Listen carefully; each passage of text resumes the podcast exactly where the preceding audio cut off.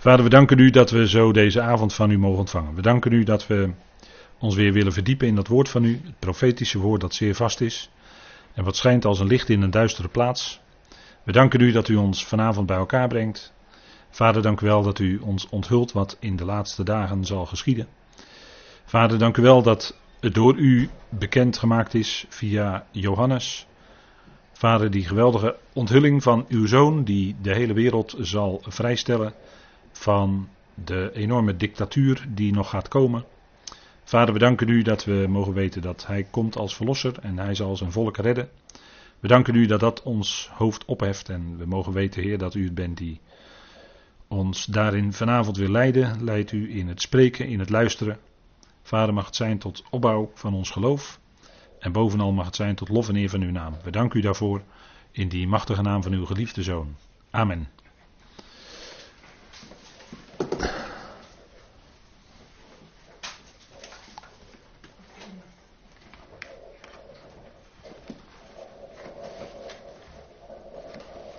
Moeten weer komen.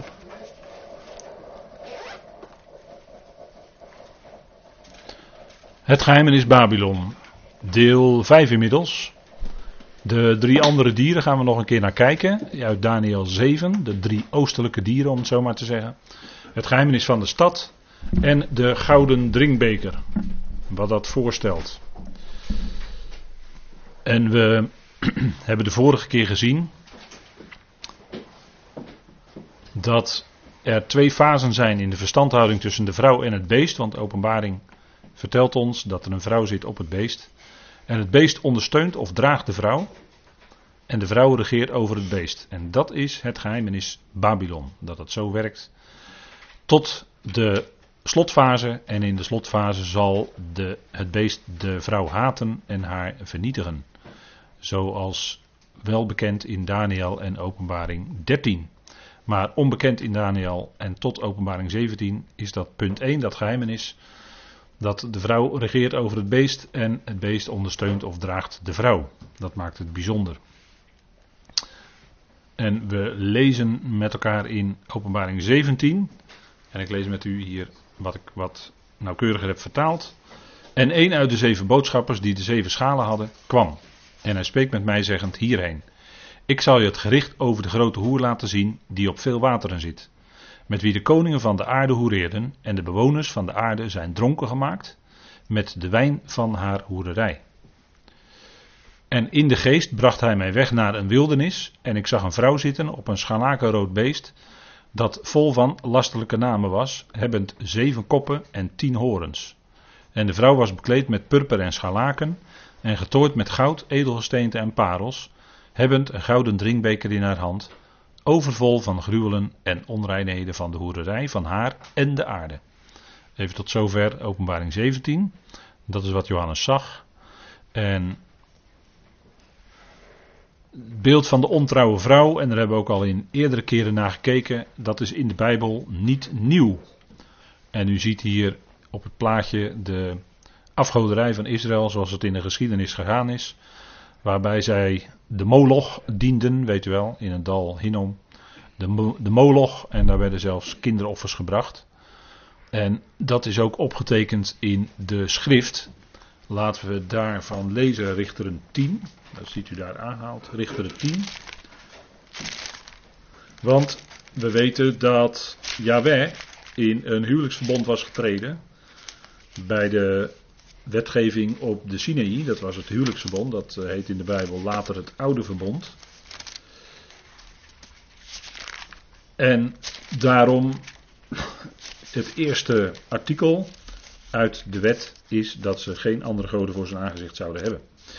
En dat artikel hebben zij massaal overtreden. En dat wordt in de profetieën dan vaak aangeduid als overspel met hout en steen, hoererij, en uh, in, in diverse profetieën wordt dat allemaal zeer duidelijk verhaald. Hè?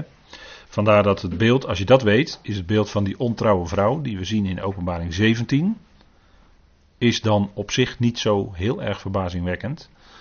Omdat dat beeld al bekend was in Tenach. En dat, uh, die lijnen lopen natuurlijk vanuit Tenach allemaal naar openbaring toe. En er lopen ook heel veel lijntjes vanuit Genesis naar openbaring. Dat heb ik uh, afgelopen vrijdag ook gezegd in Soest.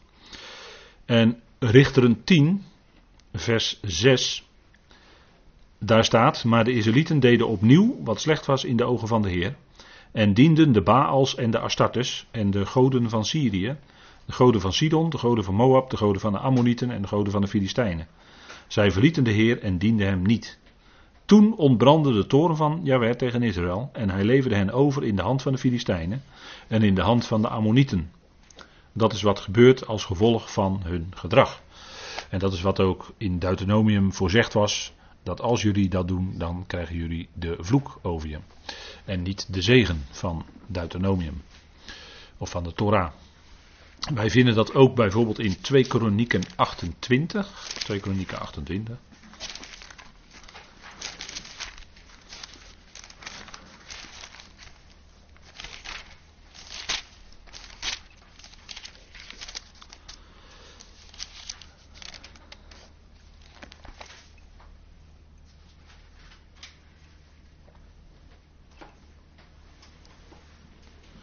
En ik lees dan nu even met u vanaf vers 21, 2 Kronieken 28.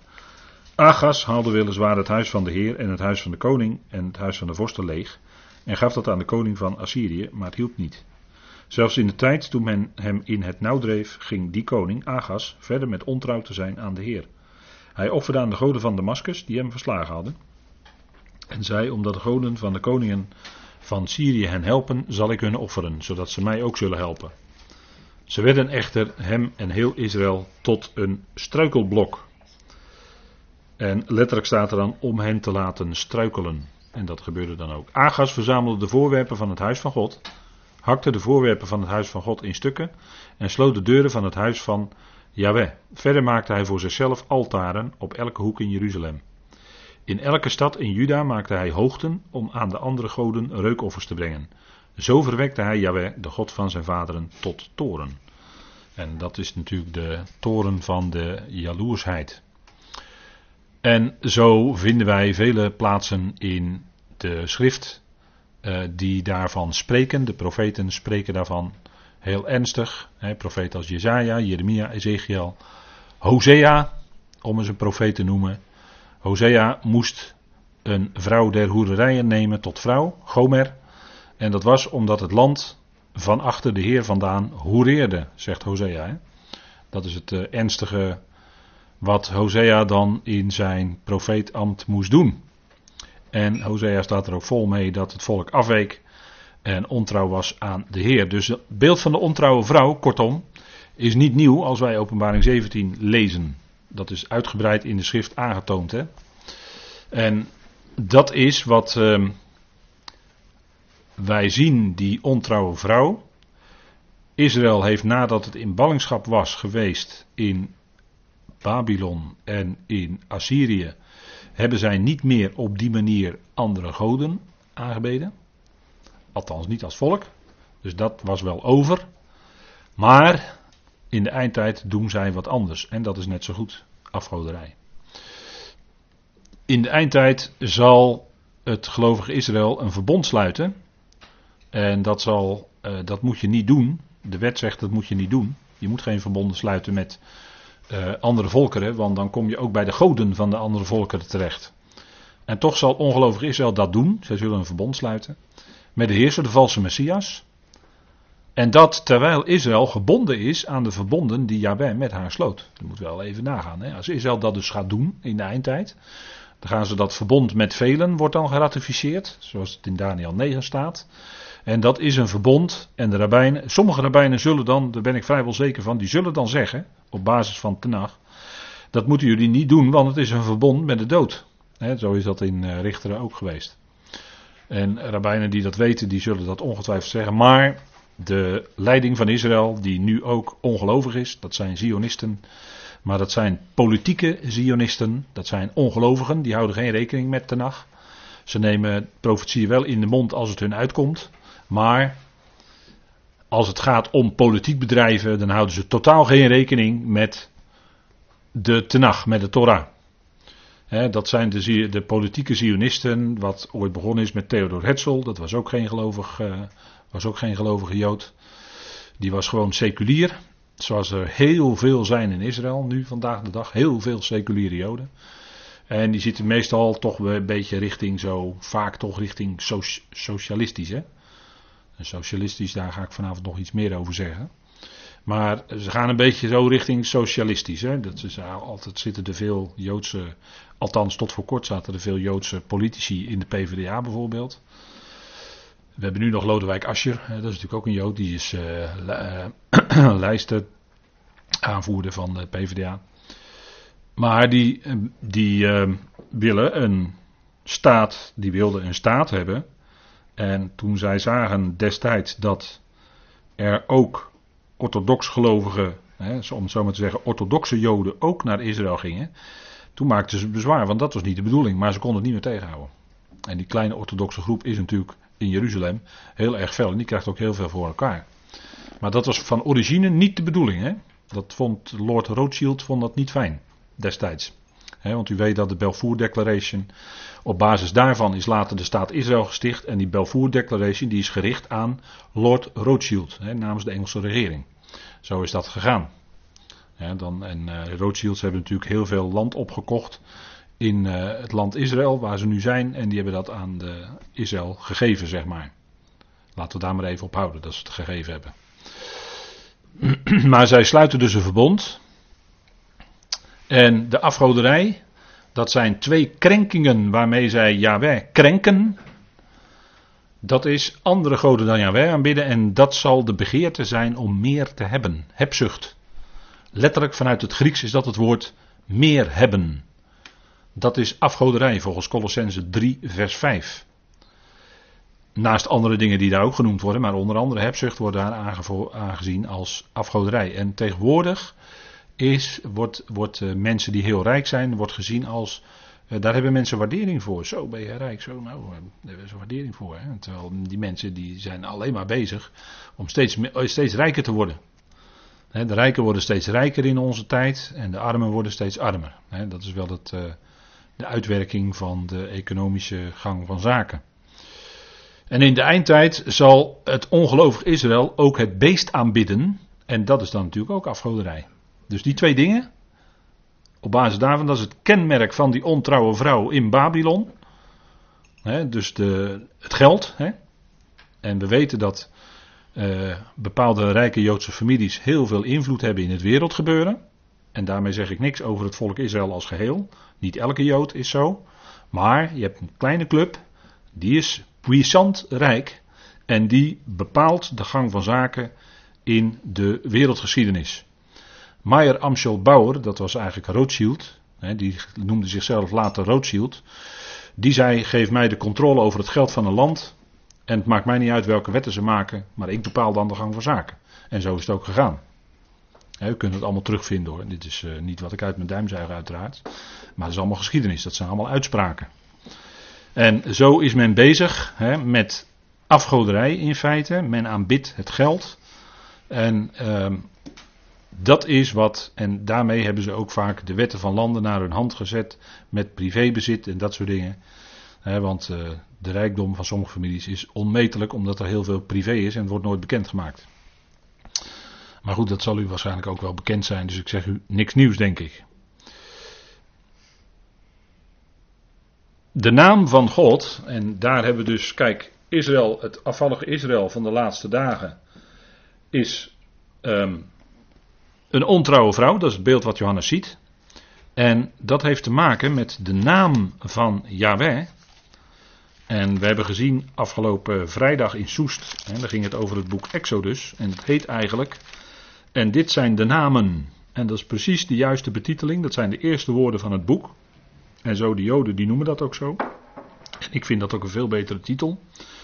En dit zijn de namen, want wat gebeurt er in Exodus? Daarin wordt de naam van Mozes bijvoorbeeld, heel erg. Het eerste hoofdstuk begint met namen, allerlei namen van de twaalf aartsvaders, elf. Later komt Jozef, wordt ook nog genoemd. En de naam vooral van Yahweh komt daarin naar voren. Hè. De naam van Yahweh wordt verheerlijkt. En dat wordt tot op vandaag de dag in de generaties wordt die doorverteld. Zo heeft Yahweh zijn naam verheerlijkt door die hele gang van zaken daar bij de uittocht uit Egypte. En hij maakte zich bekend aan Mozes in Exodus 34 als een jaloers God. En dat is in verband, dat is geen jaloezie zoals we dat onder mensen kennen, nee, dat is een jaloezie van de liefde. Dat is Gods liefde die uitgaat naar zijn volk Israël. En als het volk Israël vervolgens andere goden gaat nalopen, ja, dan komt de jaloezie van God naar voren en dan heeft dat gevolgen. Exodus 34, vers 14, daar lezen wij dat.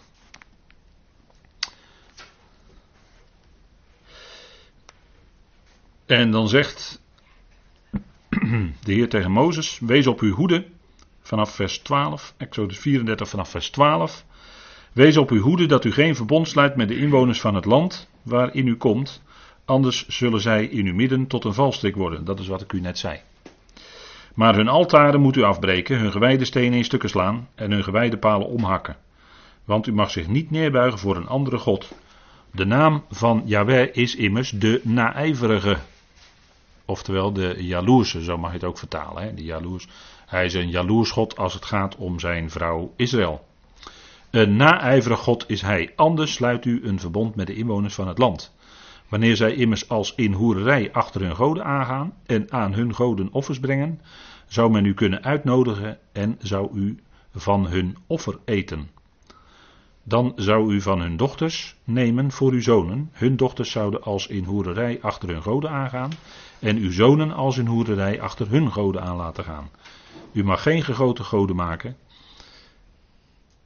En het feest van de ongezuurde broden moeten we in acht nemen. Nou goed, even tot zover. Dit is heel duidelijk hè. Jawel is een naijver God, hij is een jaloers God. En als zij toch een verbond zouden sluiten met andere volkeren, of zich mee, daarmee zouden vermengen, zou dat ook leiden tot afgoderij. En dat gebeurde later natuurlijk ook bij koning Salomo. al die vrouwen die verleiden hem tot afgoderij. En dat is wat, wat, dat is wat hier in de Torah voor gewaarschuwd wordt. Dat zouden zij niet doen, maar ze deden het toch. En de schrift is hier gewoon heel erg duidelijk. En ik denk dat dit ook een achtergrond is, enigszins, voor de discussies die in Korinthe waren als het ging om het eten van offervlees. En Paulus zegt daar natuurlijk in 1 Korinthe 8 en in 1 Korinthe 10 hele duidelijke dingen over. maar het kan zijn dat de Joodse mensen binnen die gemeente daar problemen mee hadden, gelet op wat hier staat. Maar goed, dat uh, laat ik even verder voor wat het is. Hij had een huwelijksverbond met hen gesloten en zij hadden gezegd op de Sinai, ja, wij zullen dat in acht nemen. Al wat Yahweh gesproken heeft, zullen wij doen. Dus ze hadden ja gezegd tegen Yahweh. En als we kijken naar de gerichten in openbaring, dan is dat altijd in liefde. God is liefde en voor ons is het misschien wel eens moeilijk om achter al die gerichten in openbaring te kijken en te beseffen dat God uit liefde die gerichten doet plaatsvinden. Dat is ook om tot een zuivering en tot een reiniging te komen opdat het volk in de duizend jaar hem alleen zal dienen. Daar is natuurlijk voor bedoeld. maar hoe ernstig de gerichten ook zijn, ze komen altijd voort uit zijn liefde. En je moet altijd ook de bedoeling, want een gericht houden is Gods vreemde werk, staat in Jezaja 28. Het is zijn vreemde werk, maar soms moet het toch gebeuren. En zal die kort, snel, staat ook in openbaring, als deze dingen gaan gebeuren, zal het heel snel gaan in snelheid zal, zullen die gerichten plaatsvinden. En dan zal er ook een radicale ommekeer komen in al wat nu op zijn kop gezet is. Dat zal weer rechtgezet moeten worden en dat is een hele klus. Dat verzeker ik u, want alles is zo'n beetje op zijn kop gezet. Maar het is geen wrekende haat als God gerichten uit, uitoefent, maar hij doet precies het juiste. Hij zal precies zo ver gaan zoals, zoals hij moet gaan, precies tot op de dag, tot op de seconde nauwkeurig en dan is het voorbij. En dan heeft hij ook zijn doel daarmee bereikt. De gerichten van God zijn altijd tot herstel. Zijn nooit alleen maar uit wraakzucht of wat dan ook. Het is altijd herstel. Het is altijd uit liefde dat hij dat doet. God is liefde. Dat zal altijd voor ons bovenaan staan. Dat is ook bij u zo. En dat zouden we altijd, ook als we lezen over deze ernstige gerichten, die moeten plaatsvinden. Maar ook openbaring zouden wij in dat licht zien. Hè? We hebben de vorige keer al gekeken naar de drie dieren en het vierde uit Daniel 7. En de unieke uitleg die broeder nog daaraan verbonden heeft, is dat het gaat om religies. Religie zal verbonden zijn in de eindtijd met politieke heerschappij. Het zal gaan om aanbidding, want uiteindelijk zullen allen de draak aanbidden. in het aanbidden van het beest aanbidden zij eigenlijk ook de draak, staat in Openbaring 13. En we zien hier de drie oostelijke dieren, dat is zeg maar de Arabische wereld, India, China, Japan. En dan terug boeddhisme, hindoeïsme en islam. En dat zal tot één grote, dat zal in de eindtijd uitgroeien tot één groot monster. Maar er staat ook in Daniel dat, dat het vierde dier, dat westelijke dus, wat eigenlijk het Christusloze christendom is, Europa, Amerika, die een enorme militaire macht natuurlijk vertegenwoordigen, die zullen toeslaan. In plaats daarvan zag ik in de nachtgezichten en zie. Een vierde dier, zegt Daniel, verschrikkelijk, angstaanjagend en buitengewoon machtig. En zij had monsterlijke ijzeren tanden, verslindend en verpulverend, en stampte op de restanten met haar voeten.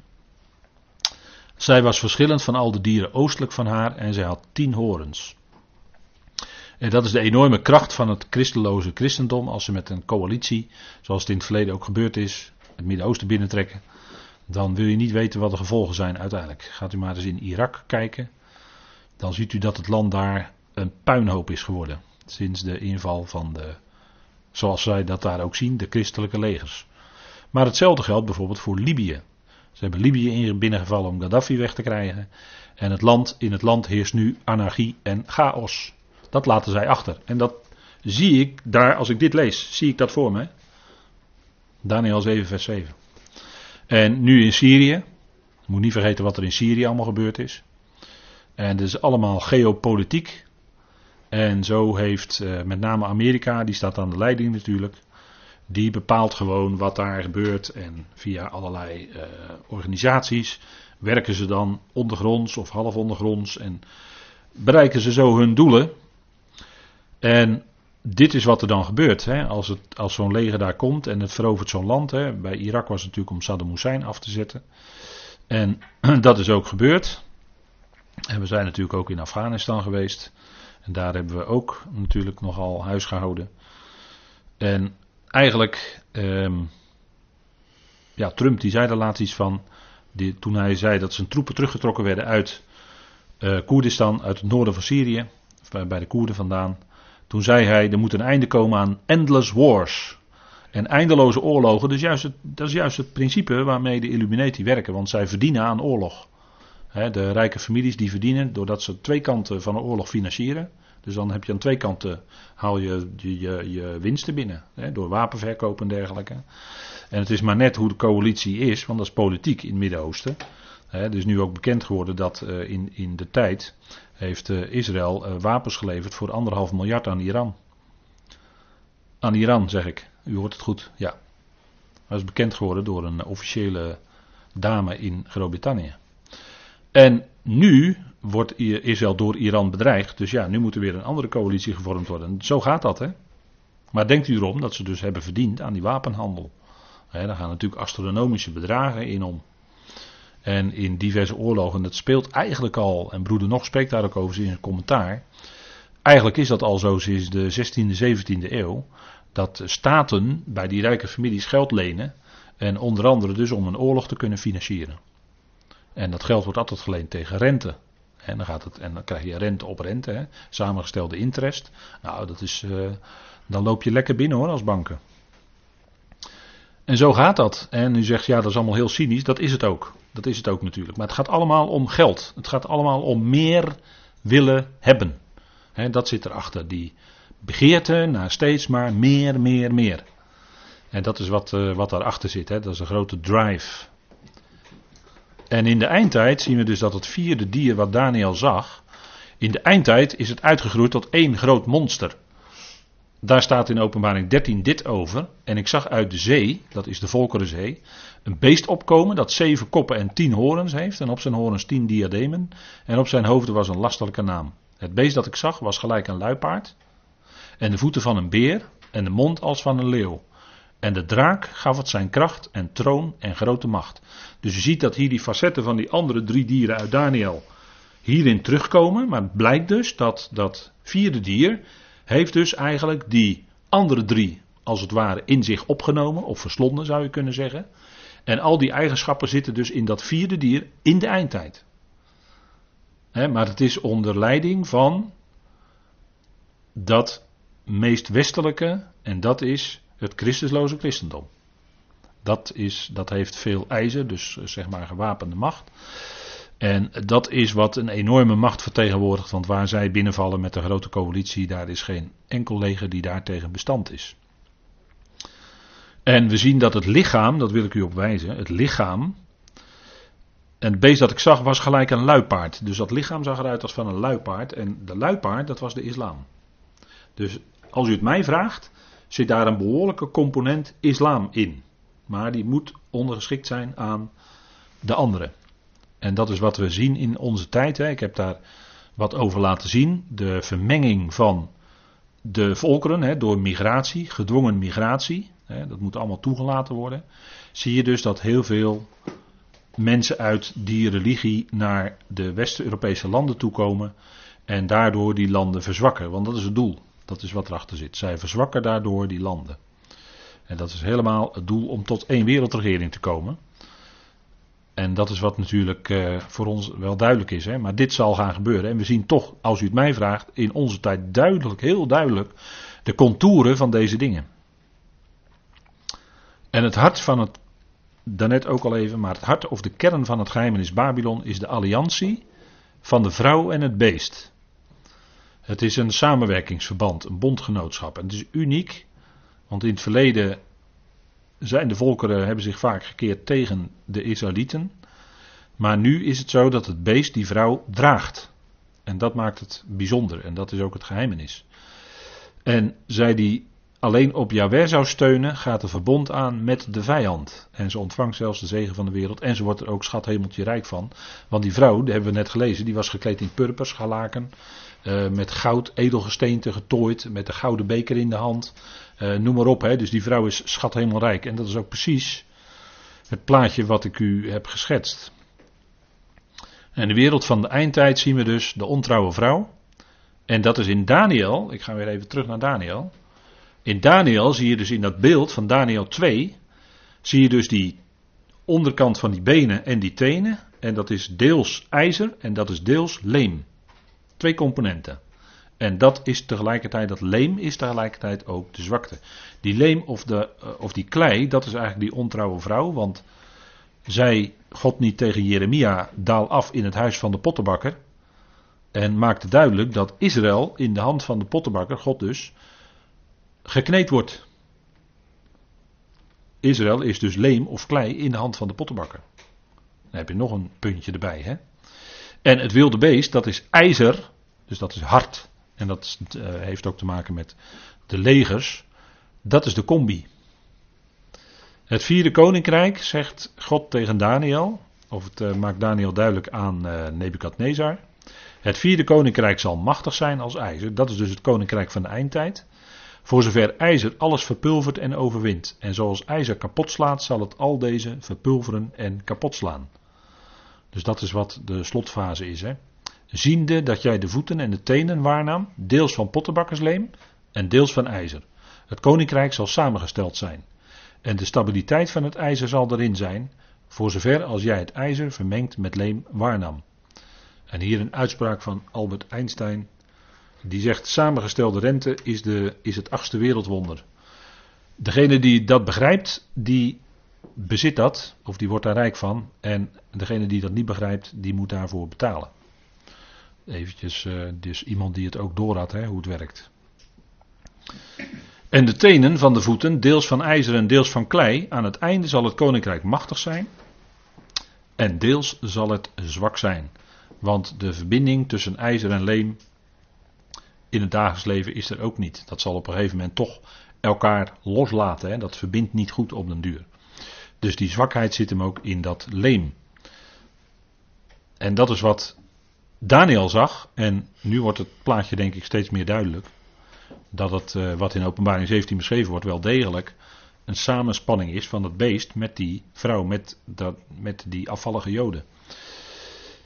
Ziende dat jij het ijzer gemengd hebt, Daniel 2 vers 43, met modderig leem waarnam, zo vermengt zich met wilde de gewapende kracht van de sterveling.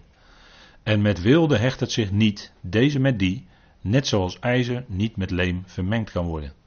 Dus die vrouw die kenmerkt zich door wilde, door rijkdom. En die, het beest kenmerkt zich door gewapende kracht. En die combinatie zal door die vrouw gebruikt worden om allerlei politieke doelen te verwezenlijken. En in zekere zin, in het Midden-Oosten, gebeurt dat ook al. Het zij niet, niet zo openlijk en niet zo duidelijk, maar als je later terugkijkt, kan je het wel degelijk zulke dingen waarnemen. Dus we zien hier ook in onze dagen al de enorme kracht. Wie regeert de wereld in de eindtijd? Dat is de vraag. Hè? De ontrouwe vrouw. Het leem, Jeremia 18, wat ik net zei. Dat is een, uh, juist een sterk punt. Hè? En die heeft een plutocratie. Dat is, betekent de rijken heersen. Dat is plutocratie. Zij heeft een koninkrijk over of boven de koninkrijken van de aarde. Dat staat in openbaring 17 vers 18. En het wilde beest krijgt de jurisdictie over al de volkeren, natieën en talen. Het, zoals we net gelezen hebben, het ontving de macht en de kracht van de draak. Die gaf het kracht en macht over al die volkeren en daar komt het vandaan. Dus het is wel, je bent wel een verbond aangegaan dan met de verkeerde, hè? Met, uh, met de duivel eigenlijk, met de oude slang, de diabolos, de doorheenwerper, die in de eindtijd gezien wordt als een grote draak. En dit is het plaatje eigenlijk van de eindtijd, wie daar regeren. En we zien daar eigenlijk nu al contouren van. En in de afgelopen honderd jaar is dat heel sterk, alleen maar sterker geworden. Maar honderd jaar geleden schreef broeder nogal op die manier over deze dingen. En die wees ook aan rijke joden als degene die heel veel zaken in handen hebben. Die achter de schermen aan touwtjes trekken, daar ook rijk van worden. En nu zijn we honderd jaar verder en denkt u erom dat het alleen maar sterker is geworden. die invloed die zij hebben op, uh, op allerlei gebied. Dat is Babylon, dat is de metropool van de eindtijd. En valt onder de UNESCO, de werelderfgoederen, heb ik vorige keer ook gezegd. Hè. De stad ligt al klaar en zal uitgebouwd, uitgebouwd worden tot de wereld, wereldhandelshoofdstad van de eindtijd. Hè. Zal de hoofdstad zijn van het laatste rijk wat zich verzet tegen God en zijn Christus. We zien in Babylon, als we Babylon en Jeruzalem tegenover elkaar zetten, zien we eigenlijk twee dingen. Uh, we zien twee lijnen. Jeruzalem staat in openbaring voor de trouwe vrouw. En Babylon staat voor de ontrouwe vrouw. Babylon regeert in weelde en Jeruzalem leidt. ze hebben te maken met vervolging, met verdrukking. Zeker in de tweede helft van de jaarweek. De grote verdrukking. En Babylon wordt genoemd de moeder van de hoeren en van de gruwelen van de aarde. En dat is natuurlijk een aanduiding van afgoderij. Hè? Want het woord gruwel wordt in de Bijbel vaak gebruikt voor afgoderij. Hè? Afgoden, dat zijn gruwelen.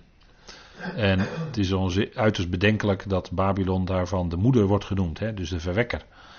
Dus dat is de bron. En Jeruzalem, als dat wordt gezien als de moeder, dan baart Jeruzalem de mannelijke zoon. Die vrouw, het openbaring 12. En die mannelijke zoon, dat is Christus in de eerste plaats, zou je kunnen zeggen. Of, dat hebben we gezien, en dat is toch waar we aan vasthouden, de 144.000. 12.000 uit elke stam. Dat is die mannelijke zoon. En Jeruzalem zal lijden, zal lijden moeten doormaken met de lange ei. Maar het zal leiden met EI tot een rechtvaardige regering. Tot een rechtvaardige regering.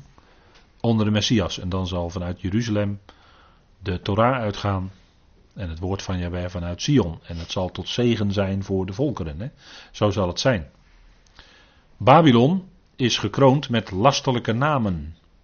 En Jeruzalem is gekroond met twaalf sterren. Dat is ook al een heel verschil, een heel groot verschil. Het staat scherp tegenover elkaar.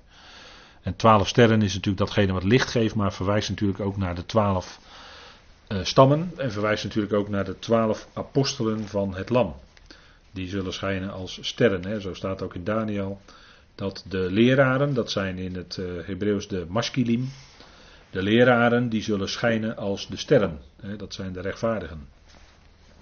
En zij zullen het goede leren aan het volk. Babylon zal tot een spotwoord worden, het zal vernietigd worden en het zal nooit meer terugkomen.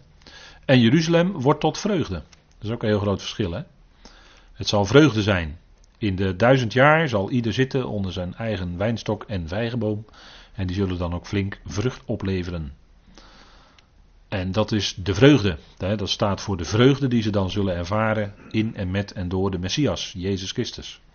Het wordt tot vreugde. Het kan alleen maar echte vreugde zijn met Hem. We zien Babylon bekleed met sieraden. En we zien Jeruzalem bekleed met de zon.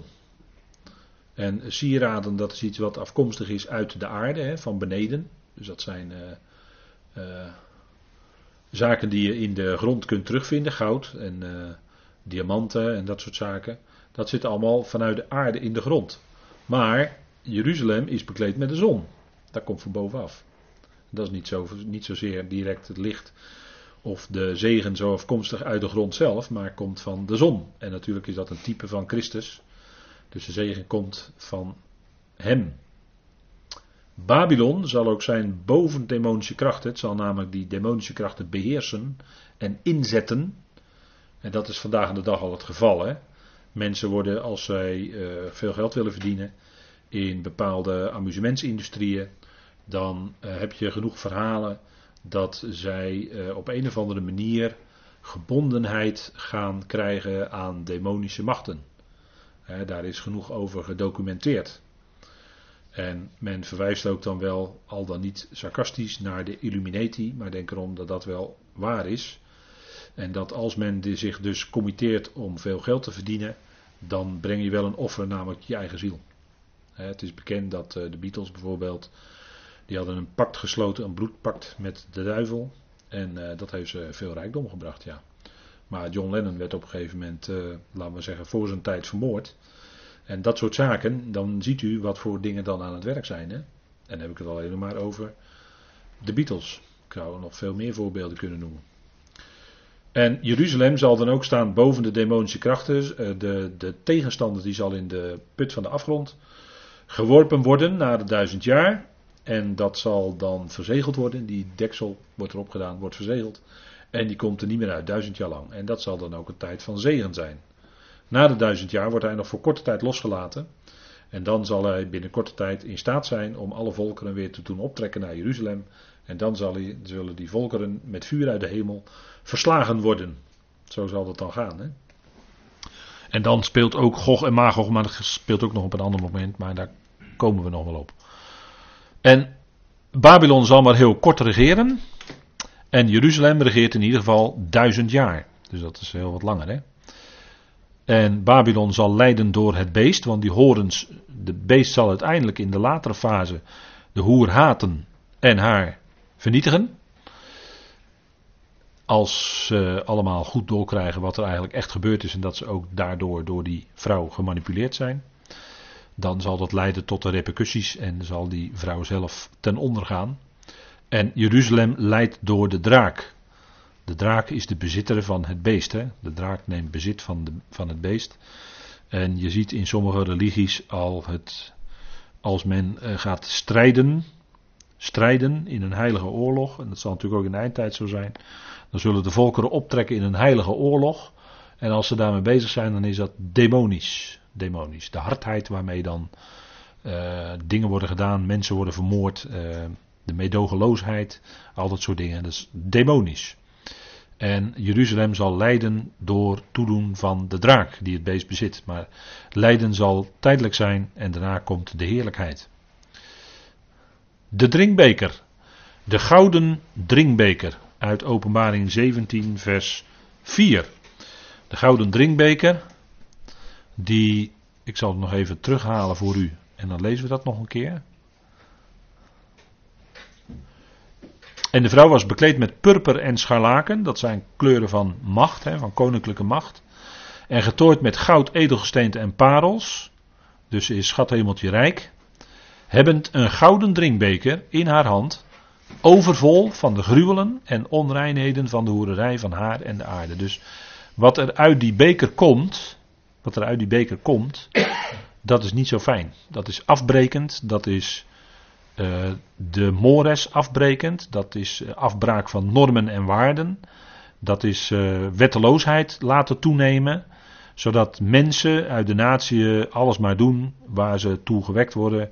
Waar de begeerten worden in, in hun gewekt door middel van de amusementsindustrie.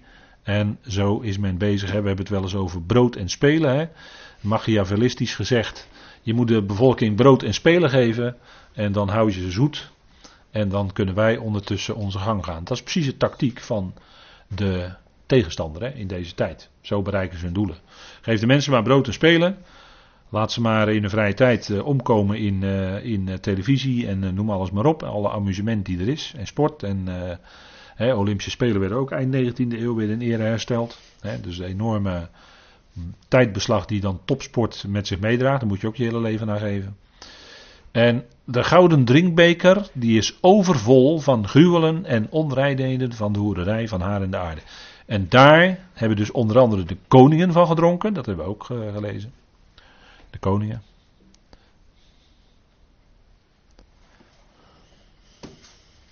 Hier, vers 2.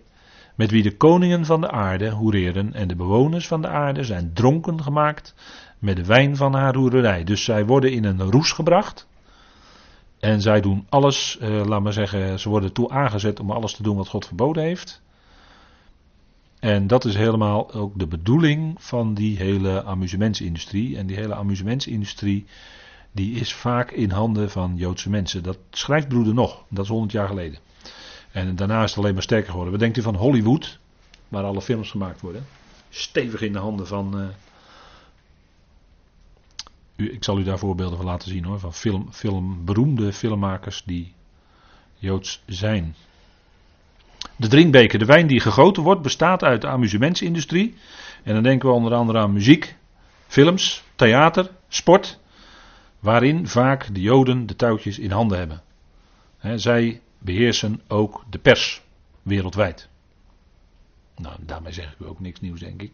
Zij beheersen ook de pers.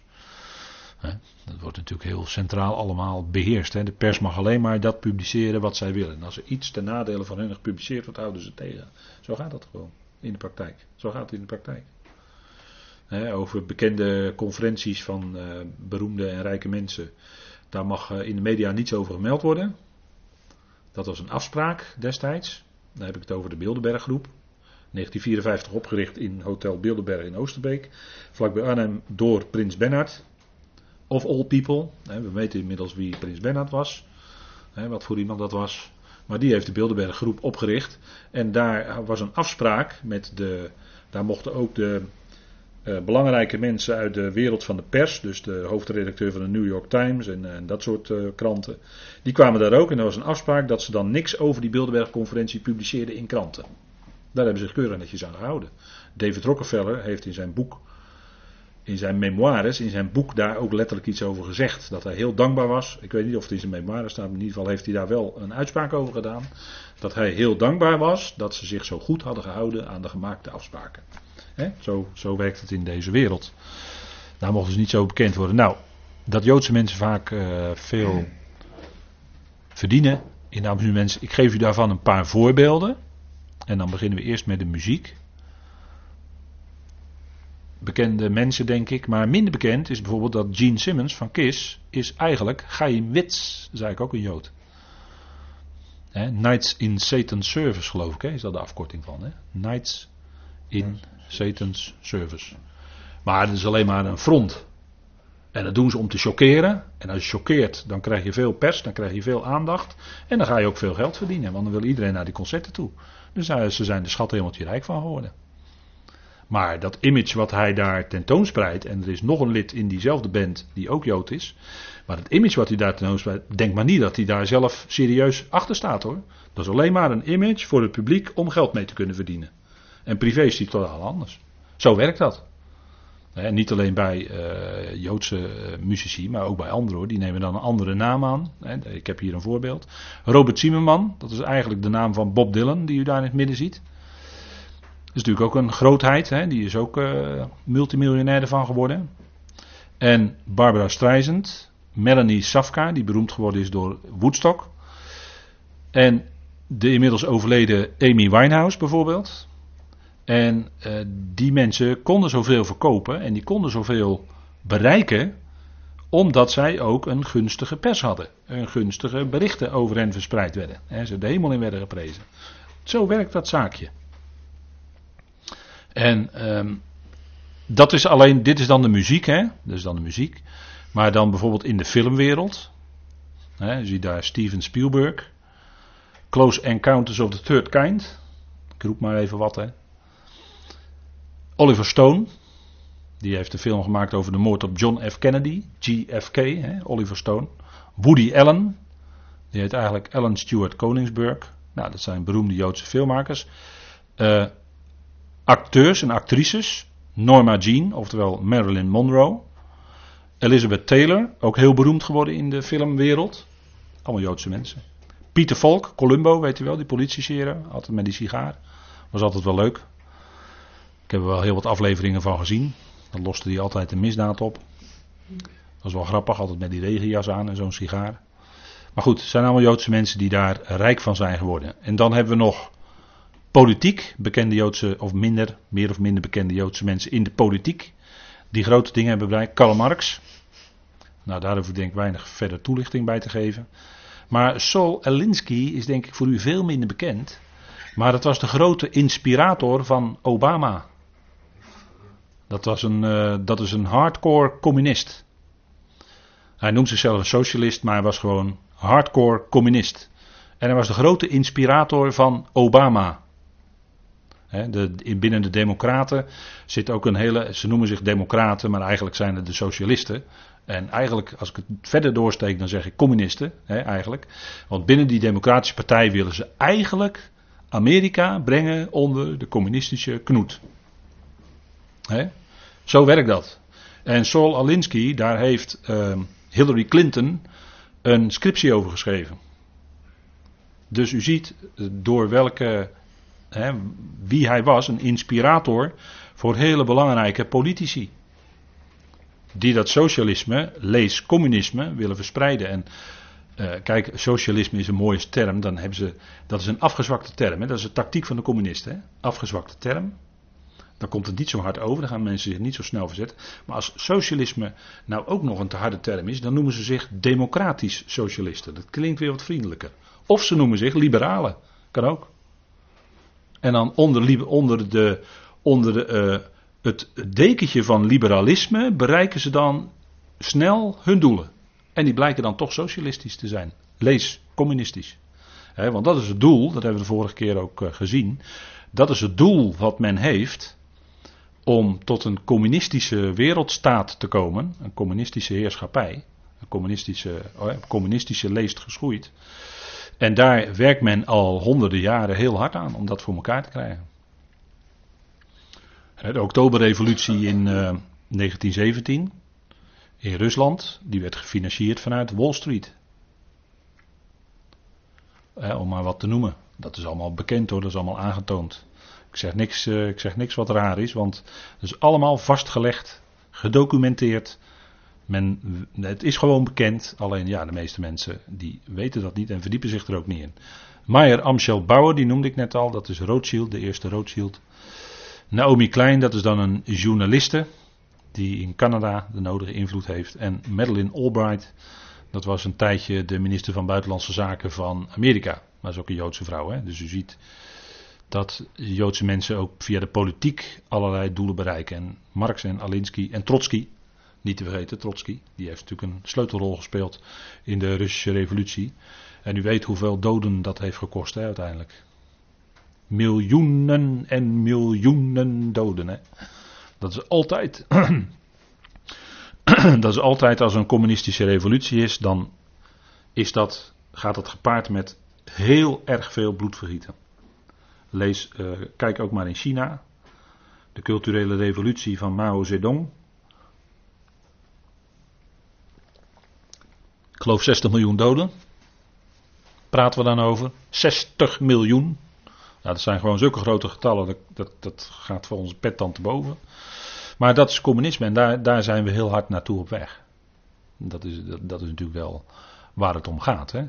Kijk, als uh, de val van de muur in 89 dat was ook een truc uh, waarin het, uh, het Oostblok, de Sovjet-Unie, en het Oostblok, die begonnen ineens een vriendelijke gezicht te tonen, hè? Uh, Gorbachev. Men nam woorden als glasnost en perestroika in de mond. En het was alleen maar om naar het westen toe een verzachtend beeld te schetsen. En de muur lieten ze vallen. dat was ook natuurlijk, en dat is alleen maar omdat ze via die manier, via socialistische weg, dan duurt het wat langer, maar ze komen er ook, hun doel willen bereiken. Dus dat is allemaal gepland. Hè?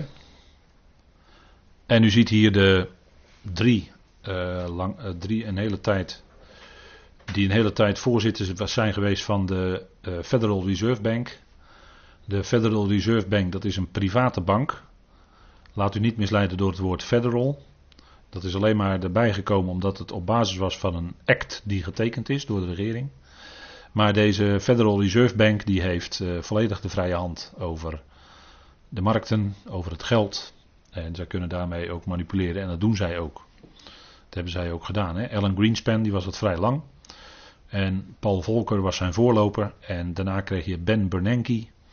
En mevrouw Yellen, dat is ook een Joodse mevrouw, die is ook voorzitter van de. En dat is de Federal Reserve Bank, die is opgericht door drie grote bankconsortia. Dat is de Rothschild Bank, de Morgan Bank en de Rockefeller. De Rockefellers, de City, de Citibank, de Citicorp.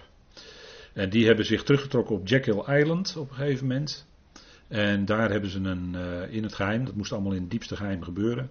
En daar hebben ze eigenlijk de grondslag gelegd voor de Federal Reserve Bank. Die uh, daarmee zoveel macht kreeg dat zij de markten konden manipuleren. De beurskracht van 1929 met enorme gevolgen is gepland. Dat was niet zomaar spontaan. Nee, dat is allemaal gepland. Ze laten niks aan het toeval over. En in de jaren 30 was er grote armoede en werkloosheid in Amerika. En wij hebben hier in Europa er ook mee te maken gehad. En zo zijn veel zaken op dat gebied. Ga er maar vanuit dat uh, eigenlijk alles gewoon van tevoren gepland is. Er gebeurt nou maar niet iets spontaans, ook niet in de, ook niet in de beurzen. als de beurs omhoog gaat of omlaag gaat, dat is allemaal gepland. Ook het goud, de goudprijs, dus ook allemaal, wordt allemaal via allerlei instrumenten wordt die in een bepaalde richting geduwd, om het zo maar te zeggen. Daar zit niks spontaans bij. Dat is geen echte marktwerking. En dan zien we Eduard Alphonse James de Rothschild, die ook een grote invloed heeft gehad in dat bankwezen. We zien Mark Zuckerberg. Zijn moeder heet Zuckerman en zijn vader heet Greenberg. En de samenvoeging van die naam is Zuckerberg, de eigenaar van Facebook. En denk erom dat dat een zeer slim mannetje is. Die is heel slim. En die uh, zet gewoon, als hij in Europa wordt gehoord, zet hij gewoon de hele boel te kijken. Hè? Zo slim is hij. Maar je prikt er wel doorheen als je de zaken goed, uh, als je van alle kanten de dingen bestudeert. Hè? En dat zijn dus een aantal, en daarmee nogmaals wil ik helemaal niet zeggen dat alle Joodse mensen zo zijn. Dit is niet bedoeld uiteraard als een aanzet tot antisemitisme, dat zijn verre van mij. Maar ik wil u wel laten zien hoe enorm groot de invloed is van. En wat dus 100 jaar geleden ook al gebleken is door mensen die nauw met Gods woord bezig waren en deze dingen bestudeerden. toen was die invloed ook al zo groot. Op haar voorhoofd van die ontrouwe vrouw staat een naam geschreven. Geheimenis Babylon de Grote. De moeder van de hoeren, dus wat zij verwekt is allemaal niet zo fraai. En de gruwelen van de aarde. En ik zag de vrouw, dronken van het bloed van de heiligen en van het bloed van de getuigen van Jezus. En ik verwonderde mij met grote verwondering toen ik haar zag. Dus uh, zij veroorzaakt ook heel veel doden onder de heiligen, dus Israël, en de getuigen van Jezus, dus degene die echt van hem zijn.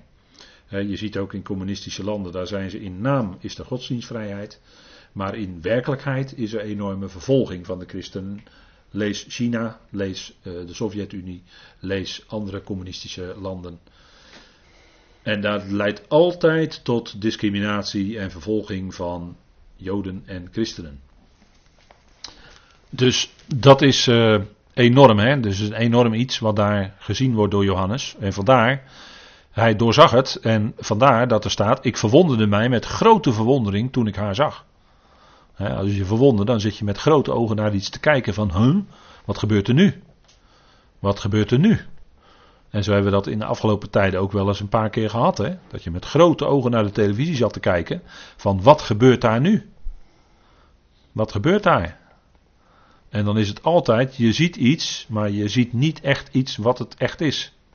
Dat is altijd zo. Er zit altijd een heleboel omheen. En je moet dan heel veel onderzoek doen om het hele plaatje op tafel te krijgen. De waarheid is wat dat betreft heel moeizaam om die op tafel te krijgen. En ik verwonderde mij met grote verwondering toen ik haar zag en de boodschapper zei tegen mij, waarom verwonder jij je? Ik zal aan jou verklaren het geheimenis van de vrouw en het wilde beest dat haar draagt. En God geeft, dat is het mooie hiervan, God geeft de verklaring. En dat is het waardevolle van Gods woord. Gods woord geeft de verklaring van dingen. En als je Gods woord bestudeert, ga je ook zien hoe de dingen echt zijn. Dan ga je zien hoe het zit. En dan ga je ook door de dingen heen kijken. Ik denk dat u die ervaring wel heeft in de loop van de jaren. Van als iets naar u toe komt, dat u dan daar eigenlijk doorheen kijkt. En dat je dan heel snel door hebt van ja, dat is het eigenlijk. Hè?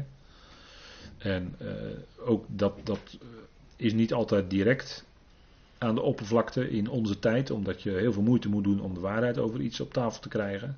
Maar als je Gods woord kent, wat ik daarnet al zei, dan zie je dus in onze tijd zie je de contouren van datgene wat dus echt in die echte eindtijd gaat spelen. En wij zien dat.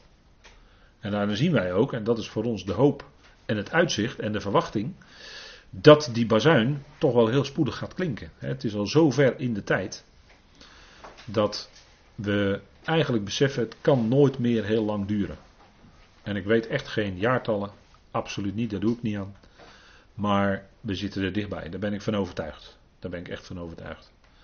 En tot die tijd zal het misschien voor ons steeds moeilijker worden. De tijden zijn nog niet zo makkelijk. Het zal steeds moeilijker worden. Maar we weten, we hebben een geweldige Heer die ons draagt. En die ons zicht en licht geeft. En een verwachting, een uitzicht die enorm is. Nou, ik wil even hierbij nu laten. We gaan even pauzeren. En dan gaan we zo meteen weer verder.